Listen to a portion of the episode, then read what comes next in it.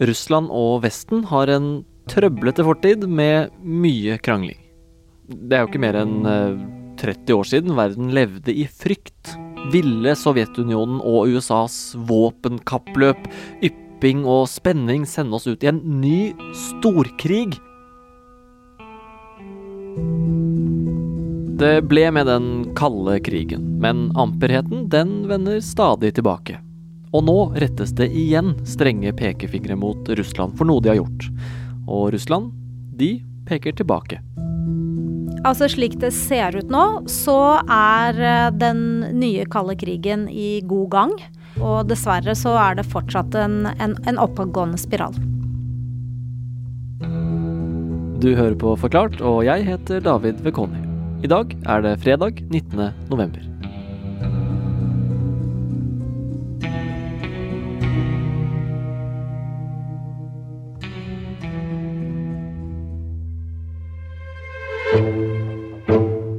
På mandag ringte Putins telefon.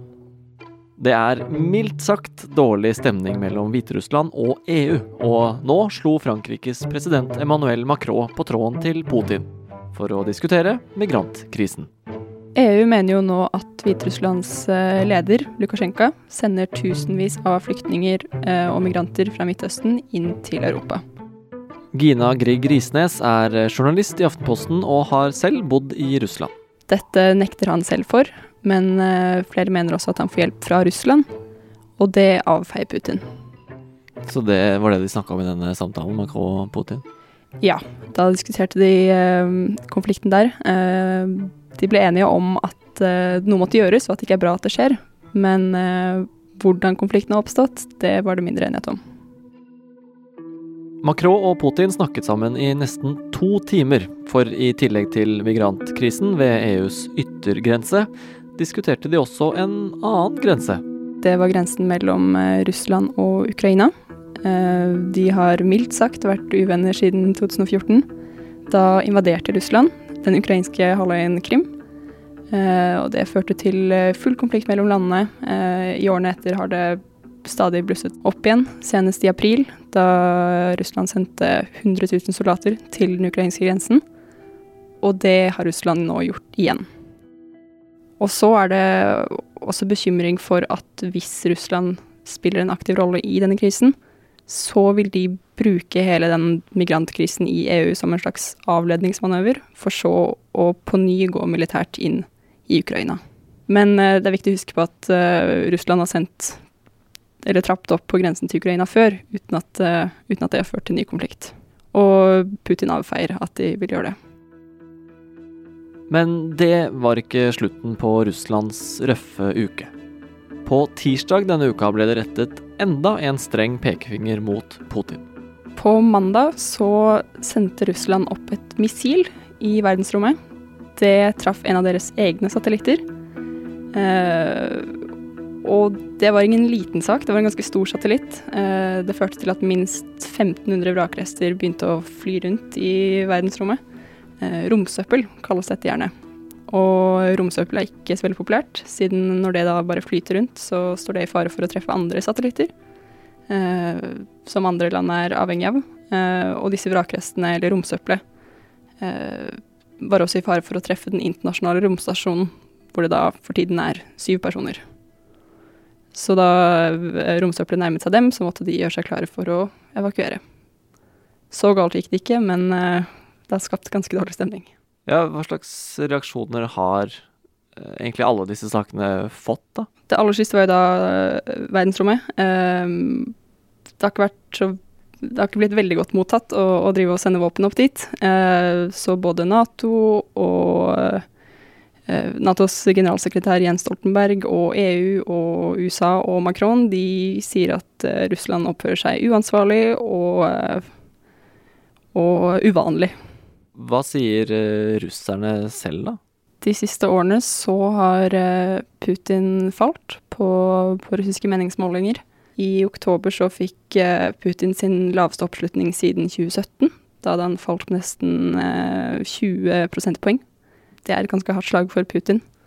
Så det ser ikke ut til at vanlige russere er så begeistret for dette. Men uh, Putin selv og hans støttespillere de mener jo at dette er helt nødvendig for at Russland ikke skal bli overkjørt av Vesten.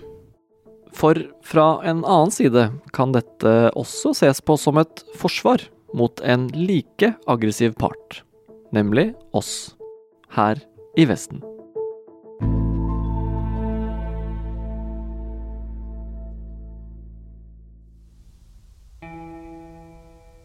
Mange vil nok si at forholdet mellom Russland og Vesten er eh, veldig, veldig dårlig. Julie Wilhelmsen er seniorforsker ved Norsk utenrikspolitisk institutt, NUPI, og jobber bl.a. med russisk utenriks- og sikkerhetspolitikk. Men det er litt paradoksalt, fordi man sier stadig at det har aldri vært så dårlig. Det har man sagt flere ganger siden eh, krisen i Ukraina i, i 2014. Men eh, vi er definitivt inne i en slags nedadgående spiral. Og eh, Julie, den spenningen som er nå mellom øst og vest, hvor lenge har den egentlig vart? Ja, altså Historisk sett så er det jo eh, en, en, lang tradisjon, for å si det sånn, eh, i russisk historie, hvor, hvor, Russland alltid har på en måte eh, vekslet mellom å se på Vesten som sin ledestjerne og sin venn, Eh, alternativt som sin fiende og, og, utfordrer. Og da kan vi jo tenke på hele perioden da Russland var eh, Sovjetunionen, eller del av, av Sovjetunionen, hvor det eh, kommunistiske Sovjetunionen jo var i konflikt med det kapitalistiske Vesten hele veien. Men Sovjetunionen falt i 1991, og med det var den kalde krigen over. Igjen sto ikke lenger en internasjonal stormakt, men et enkeltland ved navn Russland. Som faktisk så mer på Vesten som en modell for hva de kunne bli, heller enn en fiende. Men med USAs monopol som stormakt og noen upopulære kriger som invasjonen av Irak i 2003, har stemningen nok en gang snudd.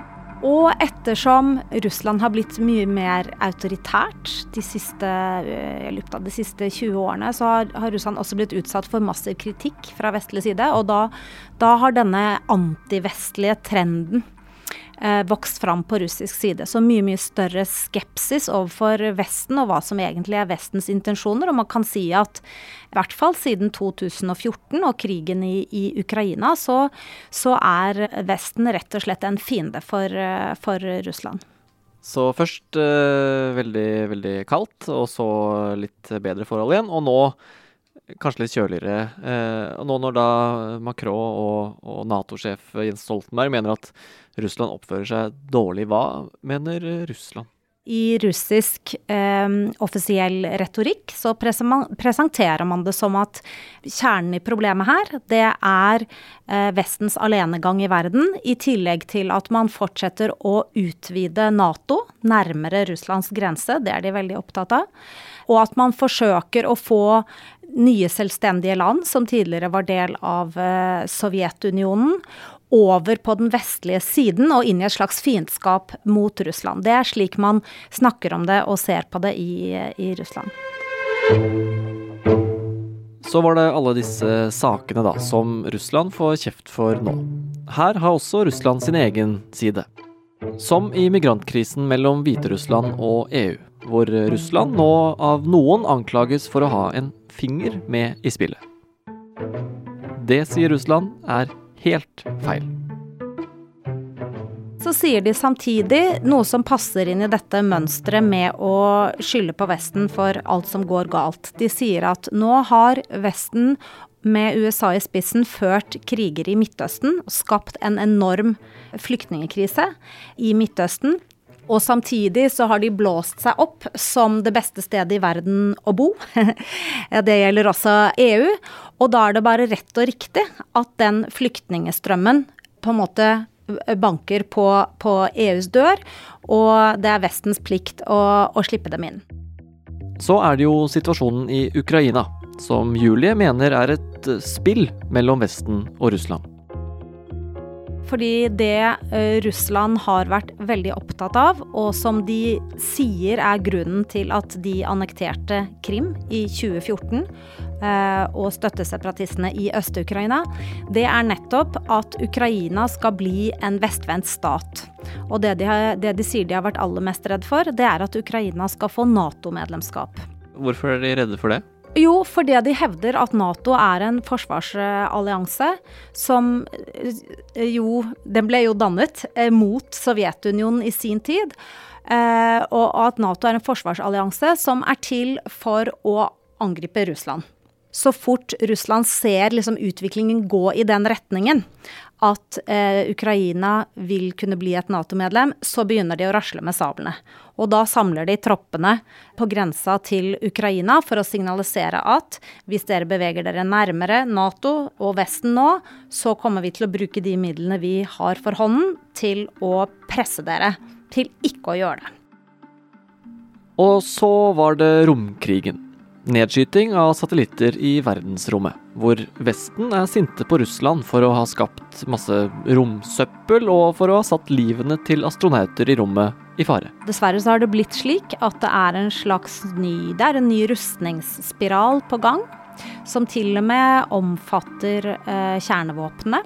Og det at Russland skyter opp raketter i rommet, det er del av denne rustningsspiralen. De utvikler nye våpen og, og, tester dem, og det går i en forrykende fart. Og begge sider gjør det med henvisning til at den andre er nå i ferd med å bli farligere enn oss, og derfor så må vi utvikle nye våpen og, og, og teste dem osv. Så, videre. så Russland vil jo da selvfølgelig bare si at eh, ja, dette gjør vi, men det gjør også dere.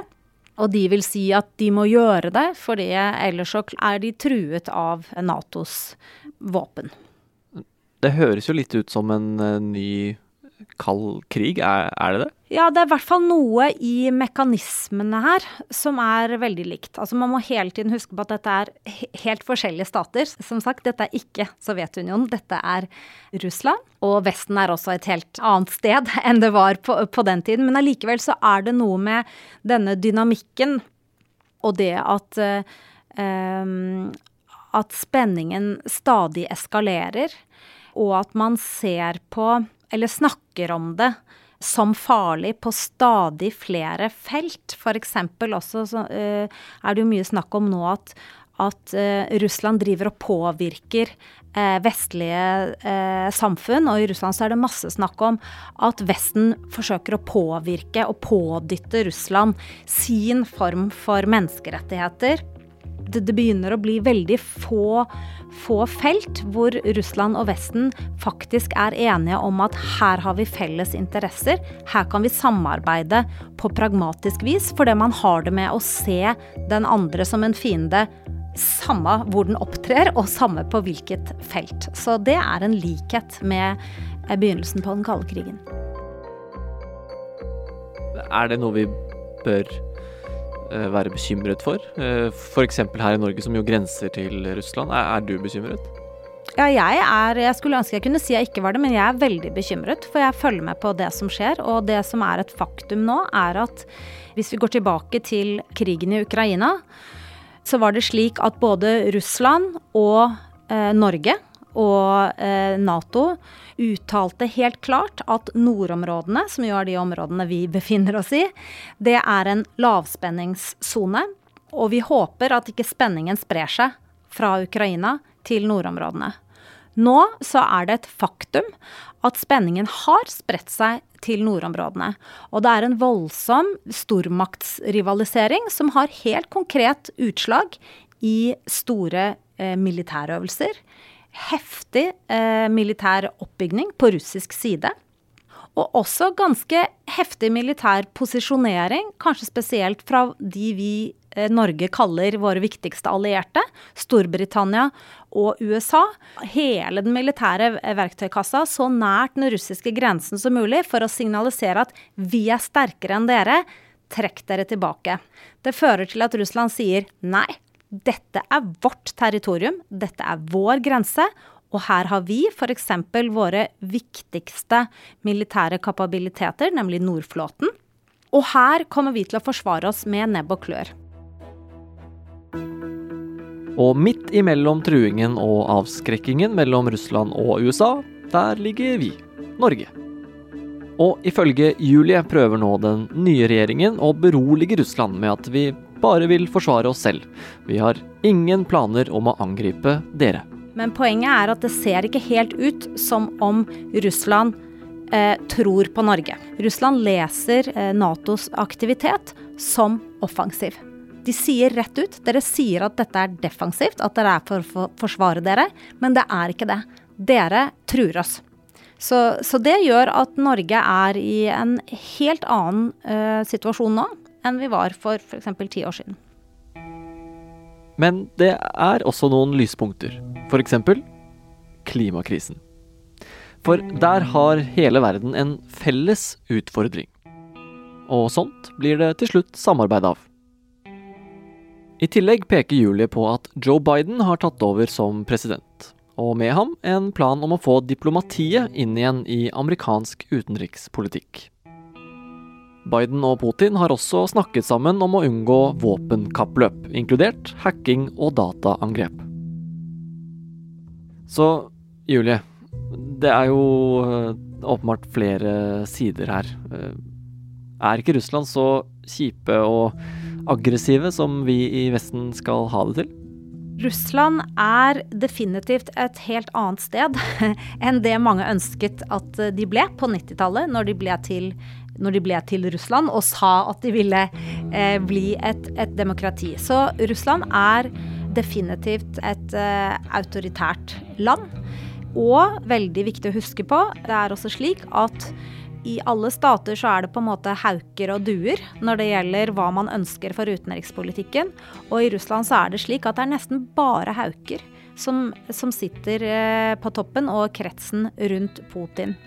Og det gjør at du får en uh, utenrikspolitikk som er mye mer selvhevdende, og hvor de veldig fort tenker at når det oppstår et problem, så er det hva skal jeg si, de, de, de militære verktøyene i den utenrikspolitiske verktøykassa som funker best. Ja, så Russland har gjort en del eh, haukete ting, men eh, er det sånn at vi noen ganger kanskje oppfatter det som litt ekstra haukete også, bare fordi det er Eh, Russland, eh, selv om det kanskje egentlig ikke var eh, ment sånn? Ja, av og til så opererer de mer eh, pragmatisk, og av og til så er de kanskje egentlig ute etter eh, samarbeid.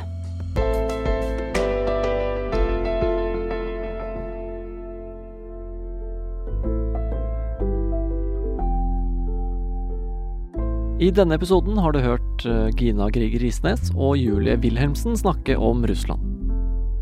Episoden er laget av produsent Fride Næss Nonstad, Marte Spurkland og meg, David Vekoni. Resten av Forklart er Anne Lindholm, Thea Wold Lyster, Synne Søhol og Guri Leiel Skedsmo.